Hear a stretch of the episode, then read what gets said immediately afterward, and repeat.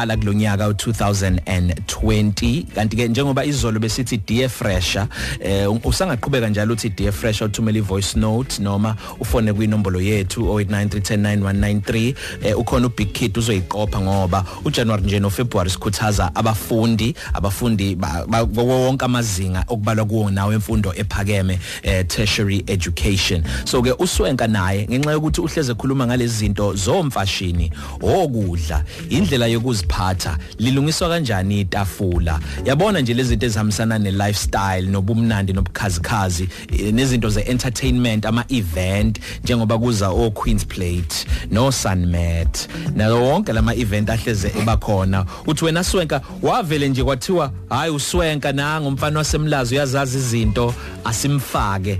Ake sibuze ukuthi iyiphi ingxenye kwezokufunda anayo uswenka emlekelelile ukuthi yebo noma ngaduma noma ngaba ke nesiphiwo nolwazi nje lwemvelo kodwa ikuphi futhi okumvulela indlela ngokwesikole? Happy new year sawubona. Ah sawubona siya sawubona mlaleli wesidlo sawubona mlaleli wa 12 to 3 cafe and ngifuna ukuthi nje unyaka omusha omuhle ka 2020 ufuna ukuthini wesidlo sasemini? ngithi angithi nje noma ngisho into ngesingisi Yeah. wena uma nisho ngesizulu. So singakhuluma ukuthi eh eh kavesi nani nisho ngesingisi. Uthi 12 to 3 cafe. So yes yeah. Ngaphambi kokuthi nje singene kulokhu u- u- esizokufundisa umlaleli namhlanje eh, Swenka awuqala usithi nje brr ama event azoba khona nje khona khona khona manje nje njengoba kuqala unyaka. Um into yokuqala siyawo ulwesini namhlanje. So kulo 2 days nje. Esiyakona Yeah. kuzobe kune Low Marines Queen's Plate ngiyazi ukuthi abalandeli bayo nabalandeli bama events bathukile abaye bacabanga isidlulile ngoba angisi uyakhumbula ukuthi ibanjalo ngomgqibelo wokuqala maqala unyaka. But kulonyaka kuthe ukuhluka kancane. Eh then Low Marines Queen's Plate yenzeka ngolwesihlanu iqala ngolwesihlanu beyivula officially and then ke umcimbi ke leso uhambayo thina uba ngomgqibelo. So iyona esivula ngayo unyaka and sesikujwayele kavese uvula ngayo. Ikuphi indawo izobe ise ise Western Cape um izobe ise Val de Fee Falde fee izobe ise Val de Franschhoek Fee yes yes Franschhoek yes, Paarl. yes, yes. I- i- i- iya iya confuse i i- i Val de Fee because ikwi border ye Paarl ne Franschhoek so Ne-Franschhoek. abaye bazose akusona i Franschhoek iPaarl abaye bathi hayi akusona iPaarl i Franschhoek but yeah i Val de Fee ilapho. Eminye ikhona and eminye then imicimbi. um siyazi again ukuthi mak- mak- mak- makuphela i i- LQP then kuba i Sunmet kulonyaka ke ke i Sunmet eh abaxhasi bayabakhulu ebesibajwayele bese sithi i Sunmet eh and then celebration partner bekuba u GH Moom labayana abaleya champagne. Basike kulonyaka kuhlukile u GH Moom akasekho. Sekuyi- i celebration partner sekuyi House of BNG and then mawukuthi uyanothisa ubonangi beno zezibini ithunzi ibona kade beyima bema ambassadors. Angazi ke ke siya nje bese uyi- Miss Universe ukuthi kuyi affecta kangakanani i contract I-contract. yakhe yokuba i ambassador ye the Sunmet but ke ke yeah Sunmet iyenzeka nayo i- izokwenza ngomhla ka 1 um February. And again akhona la kune twist inyana because besivamisa ukuthi ibe ngomgqibelo wokugcina ka Ju- ka ka- ka- ka- ka- ka- ka January this time around yenza ngomhla ka 1 February and kuzobe kuyisonto. You know. So abantu abaningi nakhona bathe ukudidisa kancane. Ngazi abantu abaningi abenza ama bookings abo ngo December bathe hayi cha ngeke. Yasina sithathe for granted uthi umgqibelo wokugcina ka Sathi ka ka- ka ka January kuningi kokushintshile kwimicimbi yaseKapa ngoba nayo i- isho isho isho iVev Polo. Ve- ve- ve- Glikho, uh, inge Master Sunday yangom Series. ingesonto lomhla ka 1 March. Yeah. Yeah okay asazi ukuthi ushintshwa yini i'm sure sizobona isikhathi siqhubeka Mthoko uhlezi uthi uyi late bloomer. Isikhathi esiningi nje mawukhuluma I'm a late bloomer. Lokho kusho ukuthi izinto uzaze usukhulile uzaze usumdala. Kodwa ulwazi lwezinto ozaziyo kwezikaqedisa isizungu ezemicimbi ezemfashini ezokudla indawo zokuphuma eh, njalo njalo kuzwakala sengathi ulwazi oludala ulithatha phi mfethu lolwazi ulwazi enini late bloomer? Y- yazi yazi siya angeke uzukholwa ukuthi ngiyakhumbula ngisase varsity kukhona umngani wami owayesebenza ka ka- ka CNA uvuso uvuso wase Fashion Cafe.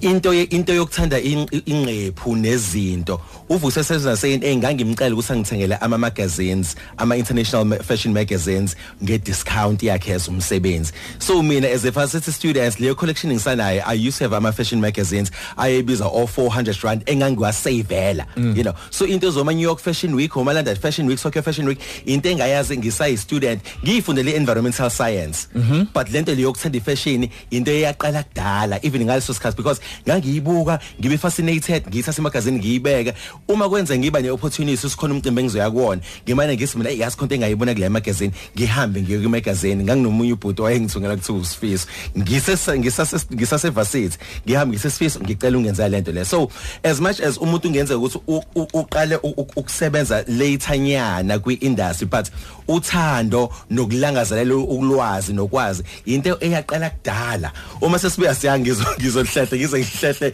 ngifike ekhaya ngisakhula ugogo wami Yeah. eh u- ukuthanda kwakhe izinto neexposure yakhe noma wami ekuyiyona into engicabanga ukuthi into noma sekwenza sengise sengifuna ukushintsha environmental science ngifunda ifashion into ayivese isuka lapho. And lento le into esingi engicabanga manje sengimdaka ukuthi hayibo yazi lento le kahle hle kade yaqala ukuthi umuntu benganakile ube nengxenye futhi la uke wahlala khona phesheya kwezilwandle ya?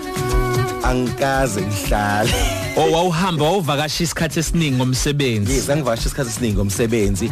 Kusukela ngo 2006 kuze kube 2011 uzositshela ke masibuya ngaleka izingane zomahla ngalomhlabathi angazi ukuthi yiphi le album kodwa okuyiyona engiyithanda ukwadlula wonke album yengane zoma ilenethi umlomo.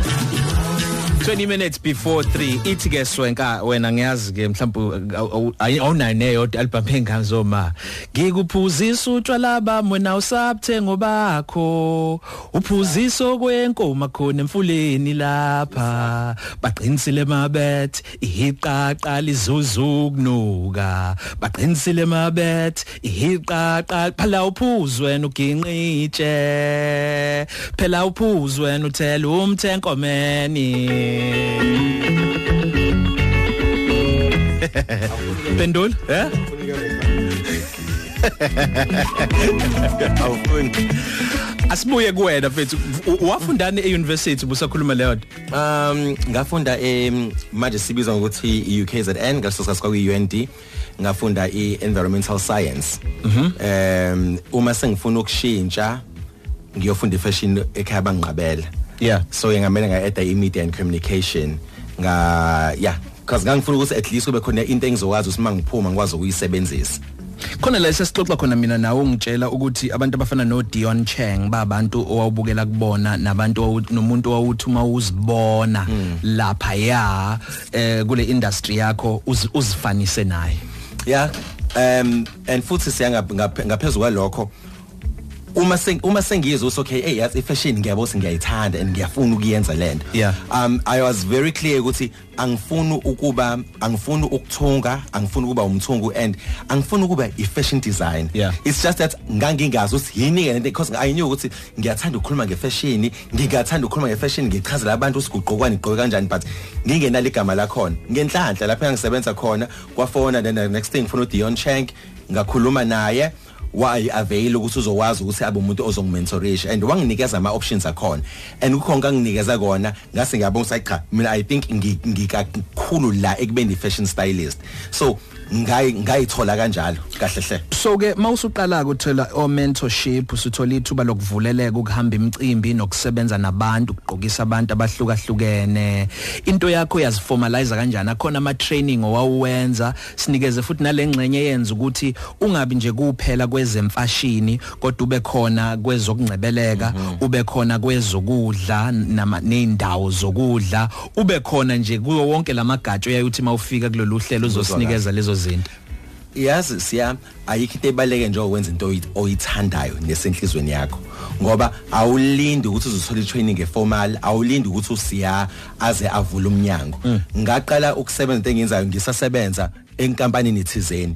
Ngangiphuma ngebreak ngihambe ngiyofuna ama fabrics ngibuye ngilinde makuphela mangiqeda emsebenzini ngihambe ngiyekubona ngiyobona umuntu othungayo. Ngisho ukuthi nginalo muntu ufunte kanje kanje kanje kanjani nase sithombe sayo nathi indango ngiyithengile. Yeah. ngisasebenza. So azange ngimane ngisuke ngithi okay sengiyaqala ngingena ebusinessini ngaqala kancane kancane ngisasebenza. And then ngike ngasho ukuthi ekhaya banginqabele ukuthi ngihambe ngiyofunda ifashion ngaqeda ukufunda ngayithola i-degree ngahamba ngayosebenza. Ngase ngithatha imali yami ngihamba ngayo ifundisa mina. And uke ufundisa ifashion ngenxa ukuthi into kavese engase ngibonile ukuthi into ekumina ngiyayithanda but i wanted indlela in- in- into formal like Mm. eh, eh, ukuthi ngibe ne formal um formal education Yeah. kulento le engiyithandayo yeah lento oyithandayo so ke ke ekuyithandeni nasekukhuleni nasekukhuleni kwayo because usakhumbula seke ukuthi ngizobuyela emumva ngithi i reference yami kakhulu yayikulala yayikulama magazines so ngizofunda ngomuntu ngimseshe lowo muntu ngiresearche o Nick Wooster ukuthi benzani o o may his soul rest in peace o Franco Cominelli. Ngisebenza ukuthi bayenza kanjani lento na because abantu esibangifunda magazine oh Karl Lagerfeld. Okhalaka field yabona? Yeah. ukuthi ba- ba- bayenza o- o o- o Tom Ford yabo? Even before afike ka Gucci. So ngibona okay lo muntu lo wafika lana kahle hlena ez e- e- e- e- ezoda wayidayisa store lo muntu. Uthe mayidayisa store kwaqhamuka i designer yathi hawu yazi ngiyayithanda indlela owenza ngayo. Ngicela ukuthi uzobe creative director lapha yana kwi design house yami.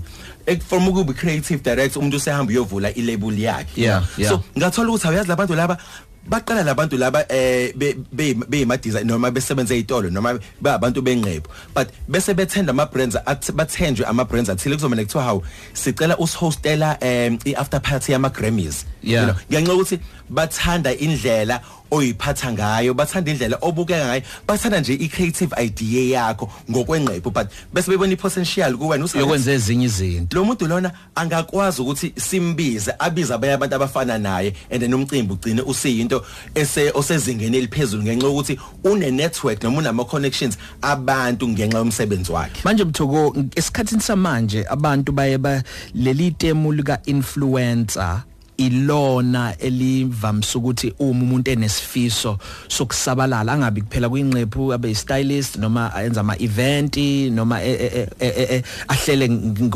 ahambe ngokwemicimbi mhlawumbe ayoshaya red carpet.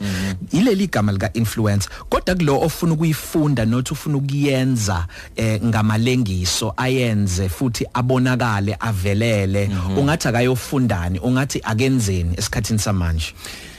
Hey siya ibukhuni into yo- yokuba yi-influencer noma yokukhuluma ngama-influencers because abantu abaningi bana-understanding engafani. Kukhona umuntu owazi ukuthi uma ngizo ngizoba ne-account kwi-social media bese ngishutha isithombe ngigqoke indlela engiveza ngendlela ethize Yeah. ngispose bese sithandwa abantu abaningi. And then ngokwakhe uma ezokwenza lokho ngokweqile and aqhubeka kwenza. Ngokwakhe lowo muntu useyi-influencer Ehhe, you know. ngokwami ukuba influencer kuthatha ongaphezulu kwalokho. So that is why ngizothi mina kubukhona inyani ukuthi ungathi umuntu akahamba ayofunda ini. Kodwa ke Yeah. ngenxa ukuthi sesiphila kulo mhlaba esiphila Yeah. kuona ngingasho mina ukuthi izinto ezifana noma branding oma brand communications brand management eh marketing you know it's khona uzothatha mase kuthiwa okay hayi siyamthatha yena ku siya uinfluencer usubekiwe ke lana kuthiwa hamba uyo u- u- nansi i- i i- brand ithizeni at least iba ne backup eformal ukuthi senginizewe ke le brand lena. Ake ngikhulume ngayo owazi uzothina ebantwini wazi ukuthi uzoposani wazi uzoposa kanjani wazi ukuthi uma uyifaka uyicaptiona uzoyicaptiona kanjani. Because khona umuntu othola ukuthi isithombe sihle mhlawumbe uyishuthile into yakhe hayi kodwa mawusuthi uyayifunda lento la ibhalile ngale product ekuthiwa kayo ayi uma loba sayi eh, eh, is not make too sure yabo? So kubalekile siya ukuthi before uyikhi ngicela ukwenza isibonelo. Yeah.